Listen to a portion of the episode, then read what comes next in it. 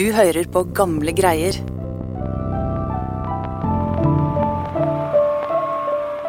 Og så hører de plutselig under seg skudd.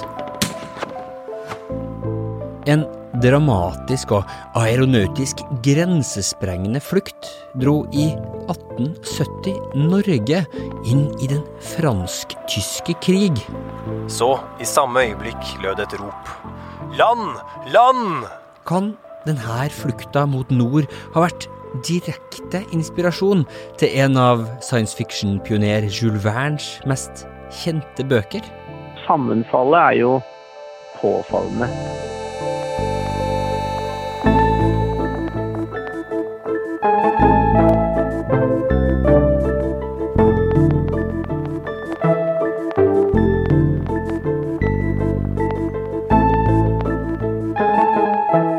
Velkommen til andre sesong av Gamle greier. Jeg heter Askild Matre Aasare og sitter i kjelleren under Nasjonalbiblioteket, hvor jeg leter frem dunkle drama og glemte liv fra Norges historie.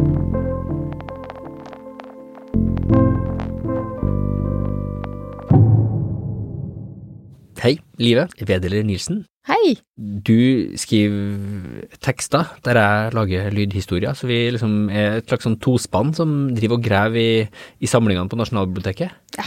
Grunnen til at jeg har deg inn her, det er at du har skrevet en sak uh, som er helt fantastisk besnærende, uh, og som har gjort at jeg har gått rundt og tenkt på luftballonger nå i, i flere uker. Ja. Eh, på noen måter så tenker jeg at det liksom det som starten på så mye av moderniteten, da, der luftfartøyene i forskjellige utgaver har vært liksom så viktig. Det er liksom Etterfølgerne av, av de tidlige luftballongene er liksom ja, Lindberg og Emilie Eckhart og luftskipet Norge og for så vidt også eh, liksom Apollo-programmet og, og utforskinga av verdensrommet. Det på noen måter så starter det når luftballongene begynner å, Ja. å lette fra, fra bakken. da. Ja, og det er ganske symbolsk, for det er et sånt grensesprengende Den starten på en sånn grensesprengende utvikling. Altså, tenk deg det. Den derre tanken om at mennesker kan fly, mennesker kan være i lufta, det har jo vært en sånn idé og, og sånn he umulighet Ja. så innmari lenge, og så plutselig så var det mulig. Ja, ikke sant? Er sånn Ikaros, eh, Ikaros-drømmen. Men før vi skal gjenfortelle det eventyret som du har funnet Når jeg leste artikkelen din, så ga det meg en sånn underlig følelse av déjà vu. Det var som om jeg hadde lest noe av det før et eller annet sted. Ehm, så jeg begynte å rote, rot litt rundt i, i eh, min egen bokhylle etter en del sånn barne- og ungdomslitteratur som jeg leste når jeg var liten. Da havna jeg ganske fort hos Jules Verne, og boka hans Den hemmelighetsfulle øya. Og den starter utrolig dramatisk, eh, med en sånn actionsekvens, egentlig. Jeg kan bare lese litt av den her.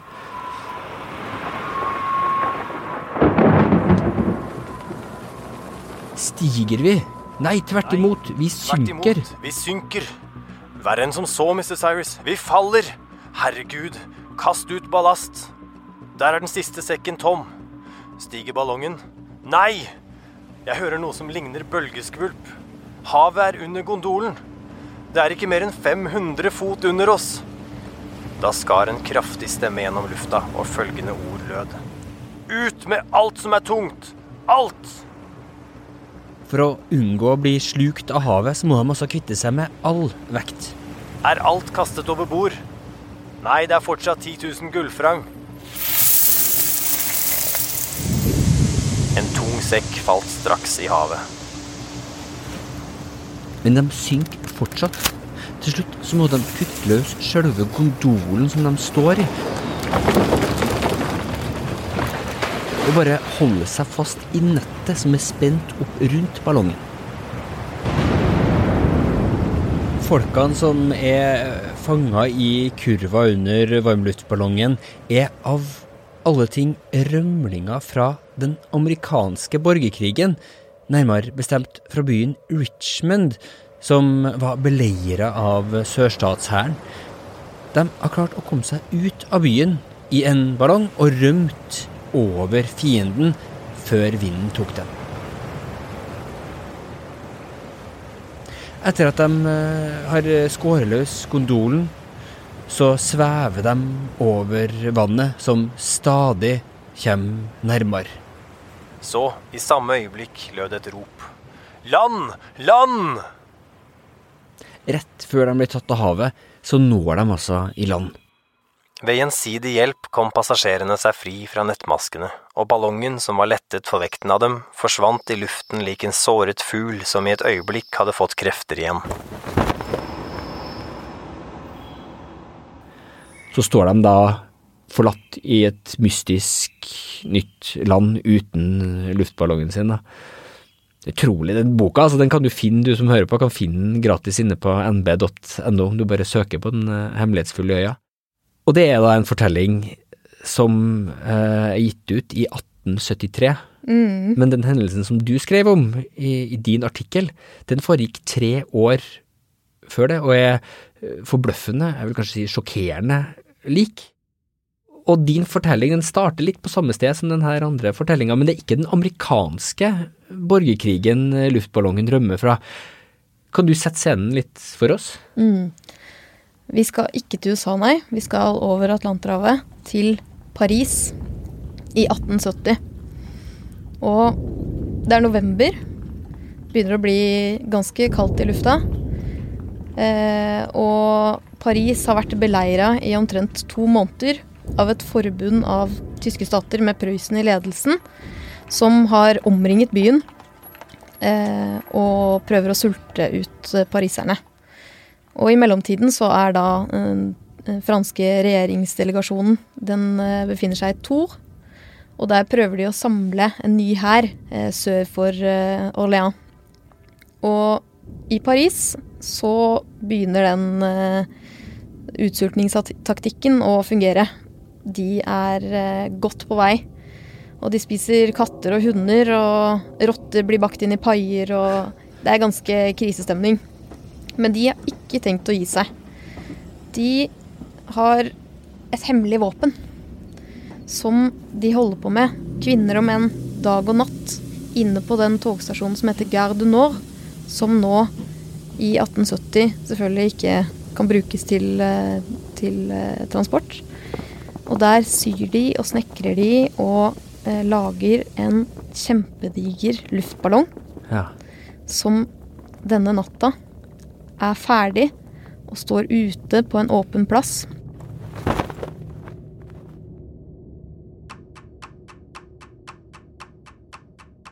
Når det nærmer seg midnatt, så kommer det to personer som, eh, som beveger seg mot luftballongen. Og den ene det er Paul Rollier. Han er 29 år gammel. Han har akkurat gifta seg for en måned siden. Tatt farvel med kona si, som ikke var så veldig happy for at han skulle reise. Men eh, han er ingeniør. Og han har sånn svart, halvlangt hår som er dratt bak ørene under den uniformslua som han har på seg. Kapteinslue.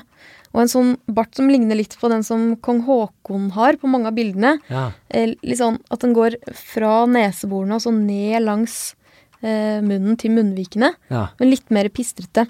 Og øyne som ligger ganske dypt i ansiktet. Og han har bestemt seg da for eh, å eh, ta med en livsviktig beskjed til regjeringsdelegasjonen i Thor, som han har lagt på innerlomma. Det var en beskjed om at hæren som var samla i Tor, og hæren i Paris, skulle forenes om å frigjøre byen. Og sammen med løytnant og skarpskytter Leon Bessier, som er 32 år gammel, så klatrer han om bord i den kurven som henger under den omtrent 22 meter høye ballongen. Og de laster om bord store postsekker med eh, brev fra de som bor i byen til sine kjære. Og så er de da klare for å prøve å komme seg sørvestover, ned til Tour.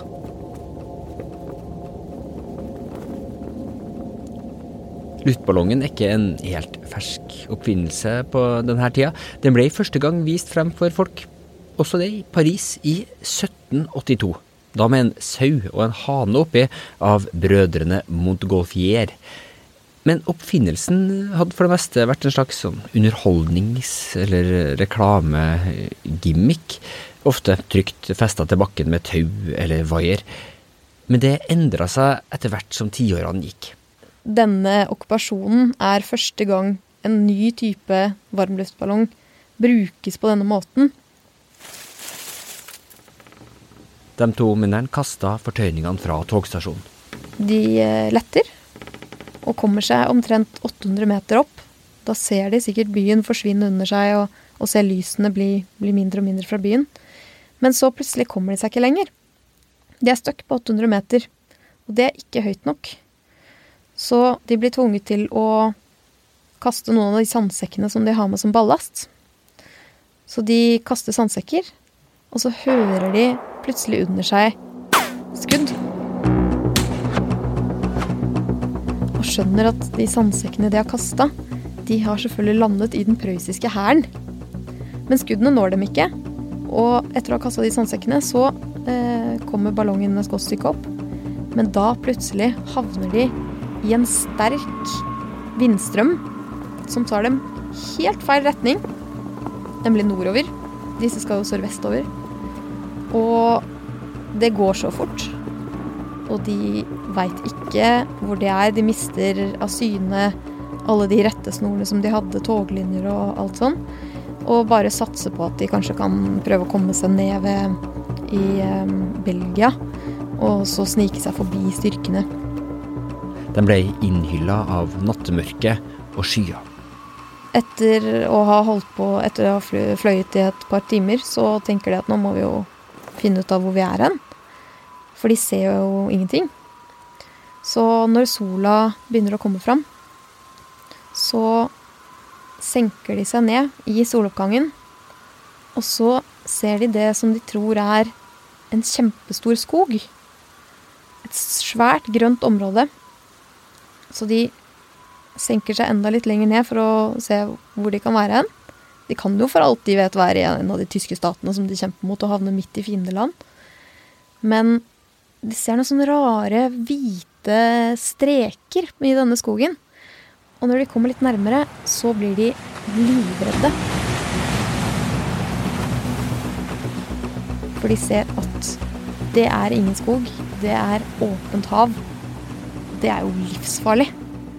Og de aner ikke om de er eh, Altså hvilket hav de er på, om de er på vei langt ut i Atlanterhavet. Eh, kanskje kan de treffe England. Over seg så ser de to at den enorme ballongen sakte, men sikkert begynner å synke sammen ettersom gassen er brukt opp. Eh, det er jo bare så og så mye gass i den ballongen, og, og de kan bare komme seg et, et stykke. De er livredde, og de ber til Gud. Som mennene i, i luftballongen i den hemmelighetsfulle øya, så må de for alt i verden forhindre at de treffer vannet. Så de kaster noen av disse sekkene med brev over bord. Og jeg ser bare for meg de brevene som daler ned mot vannet og ligger og flyter på bølgene.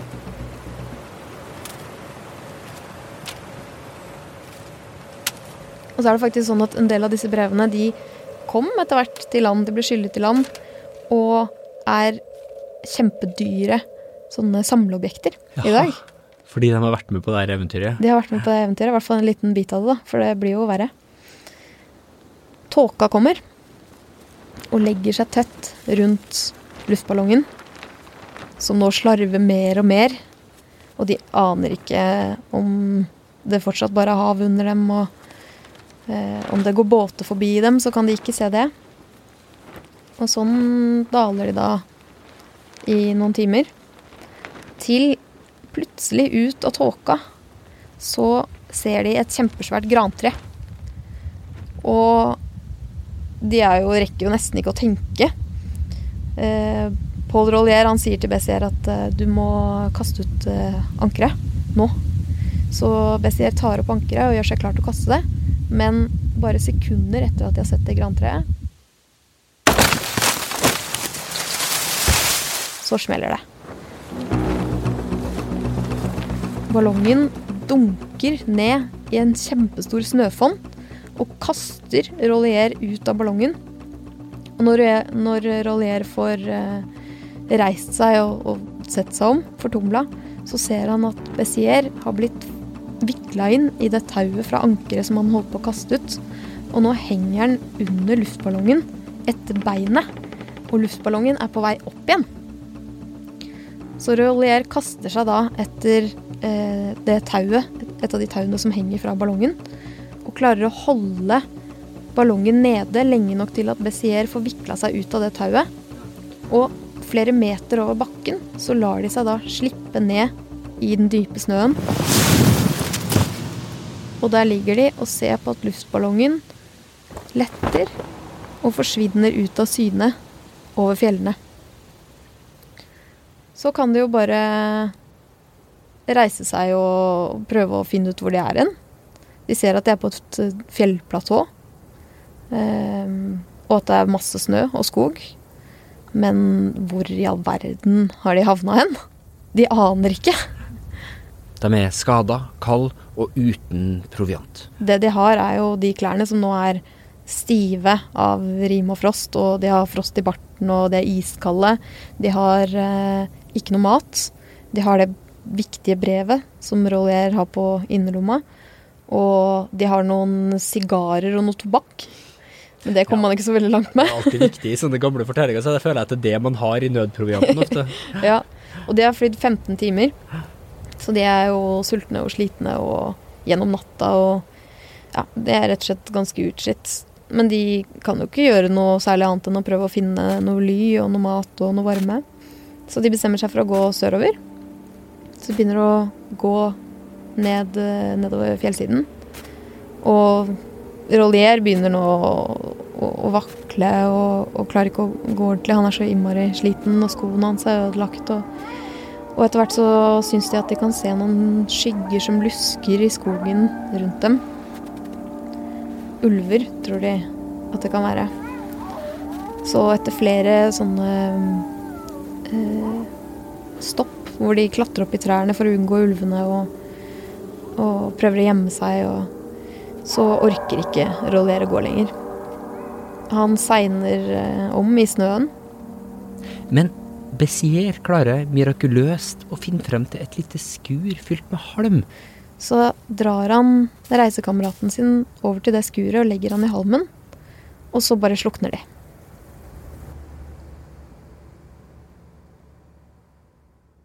Neste dag så ser de noen sledespor i snøen ved skuret og de følger dem. Til slutt så kommer de til ei koie. Den eneste inngangen til hytta er et bjørneskinn. Så de går inn gjennom eh, bjørneskinnet, og der inne så ser de eh, en peis og en liten seng og et lite kjøkken.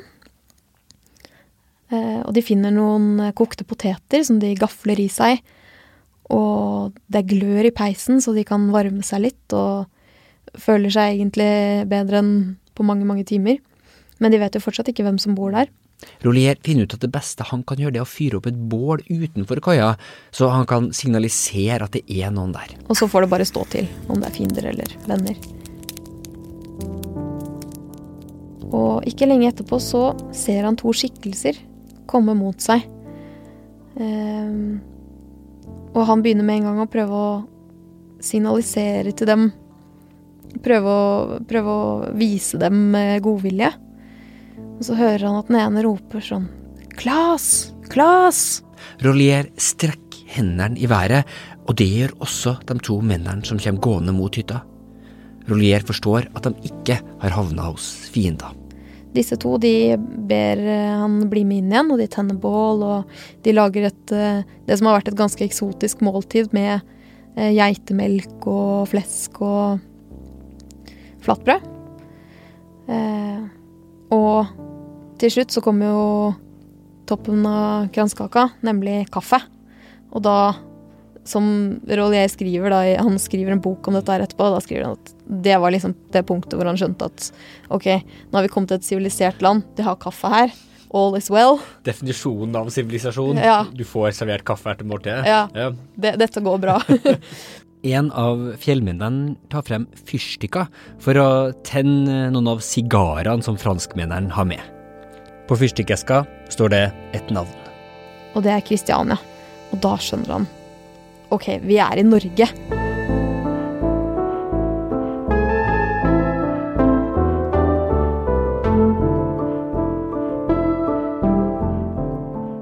Ballongferden har frakta dem langt bort fra kontinentet.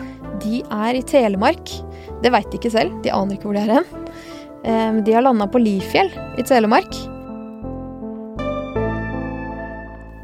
I et forrykende tempo så fraktes de, Rollier med brevet fortsatt på innerlomma, gjennom snøen. Ryktet går foran dem i løypa. Og etter en reise på nesten 20 timer så kommer de til Kongsberg. Der er det mange som har laga franske flagg som de henger i vinduene til ære for franskmennene. Og det løper barn etter sleden, og de har blitt, de har blitt kjendiser. Rukket å bli kjendiser i Kongsberg.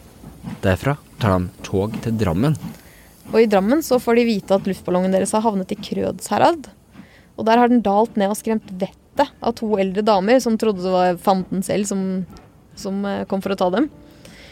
Dagen etter, klokka halv ett, så ankom de endelig til Kristiania og dro rett til Frankrikes konsulat.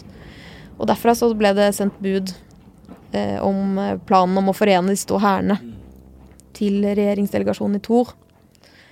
Og der får de en hel masse telegrammer, for at nå har Altså, det, det er ganske utrolig. Det ryktet om disse to franskmennene som har dalt ned på Lifjell, det har spredd seg helt til Tromsø innen de kommer til Kristiania. Aftenposten trykker en del av disse telegrammene som, som folk har sendt for å hilse franskmennene. Så her er et telegram fra Tromsø. Overskriften her er Tromsø, hovedstaden i Lappland, chef-lieu de la Laponie, til franske konsul Kristiania.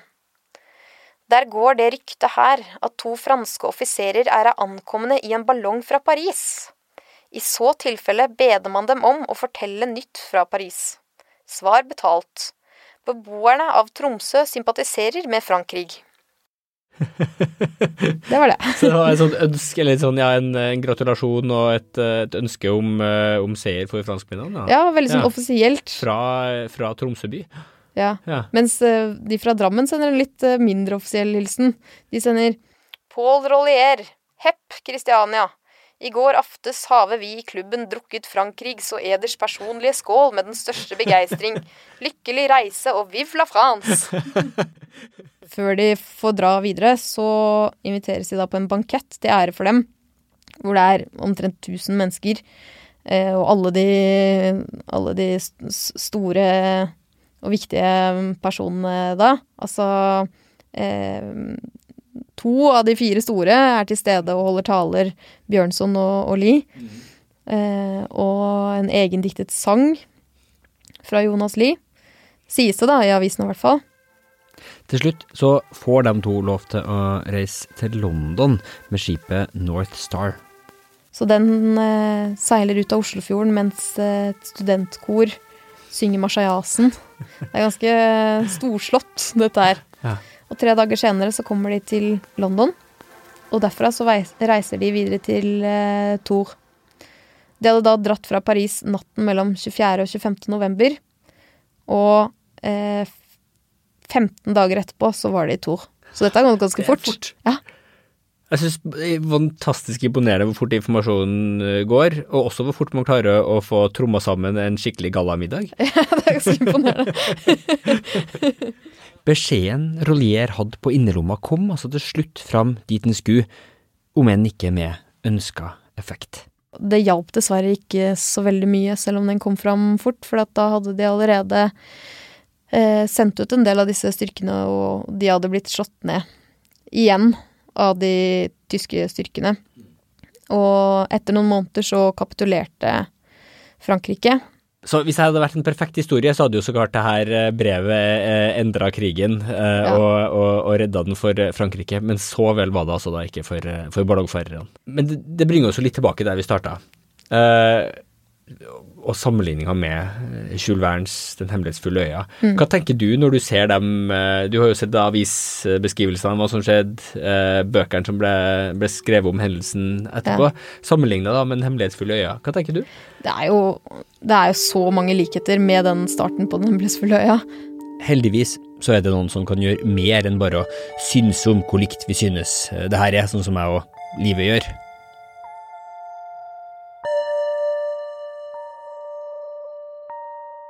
Ja, du, det her er Askild Aasarød, det her, fra Nasjonalbiblioteket. Jeg ringte mannen som jeg tidligere har kontakta når jeg føler noe i fiksjonen og i virkeligheten ligner forbløffende mye på hverandre.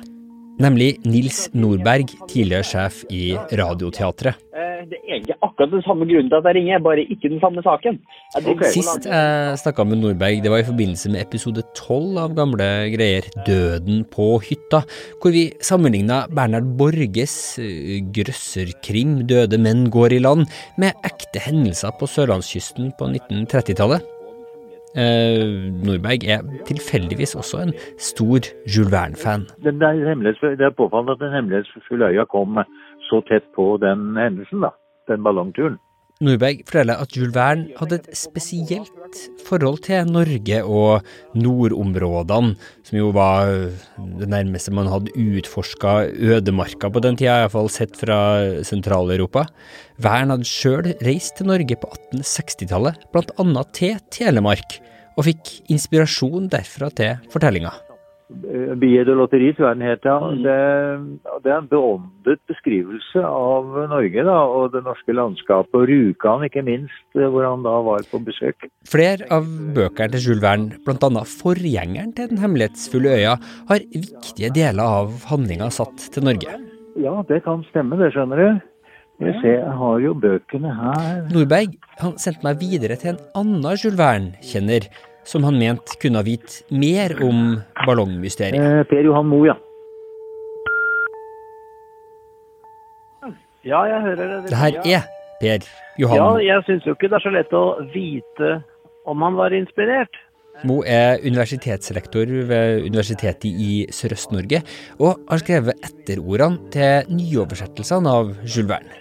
Eh, men eh, vi vet med sikkerhet at han kjente til denne fortellingen. Den havna jo i avisene, og denne Rollier, han ballongskipperen, han skrev jo fortellingen sin ned og tok kontakt med et eh, forlag i Paris, eh, Pierre Gilles Etzel, og får til svar av forleggeren at de syns ikke dette er noe eh, bok, men at det er en spennende, kortere fortelling. Men at han da uansett vil forelegge manuset for en av sine forfattere, Jules Verne.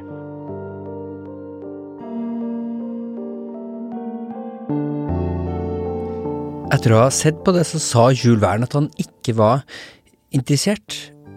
Men kort tid etterpå så kom altså Den hemmelighetsfulle øya ut. Eh, Det som jeg særlig eh, vil vektlegge, da, det er det at eh, det er på denne måten lagde Jules Verne mange av sine fortellinger. Både at han foretok inngående studier og kobla det sammen med egne opplevelser eller, eh, eller ting han leste.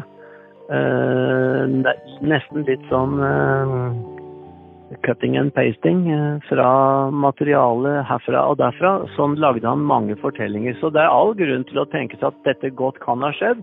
Sammenfallet er jo påfallende. At det er eh, en ballongferd for å komme på den andre siden av fiendens linjer.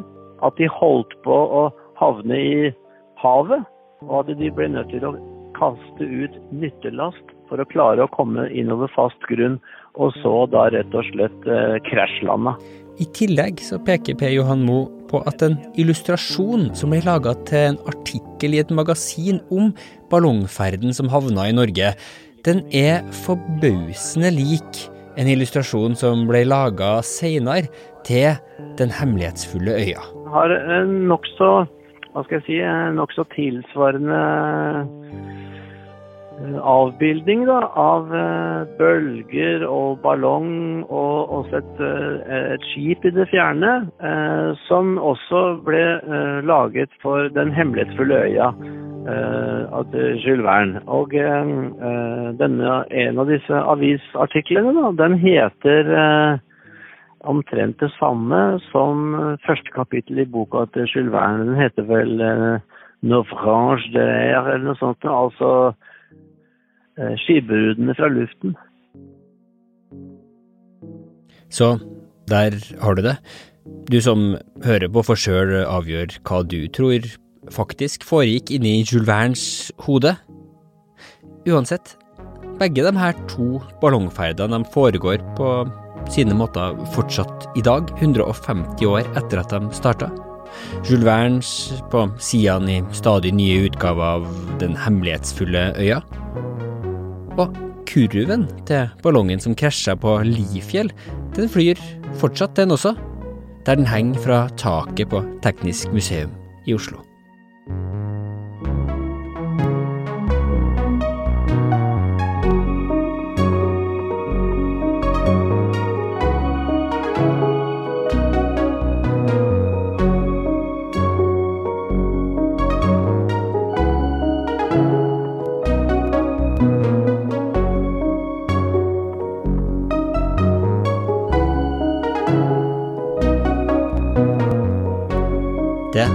Alt i denne episoden av Gamle greier.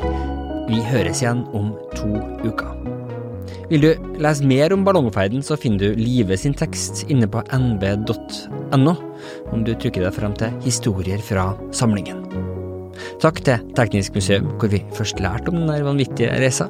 Og Per Johan Mo sine etterord, de finner du også i nyutgivelsene av Jules Verne sine romaner fra forlaget Vidar, eller Vidar-forlaget.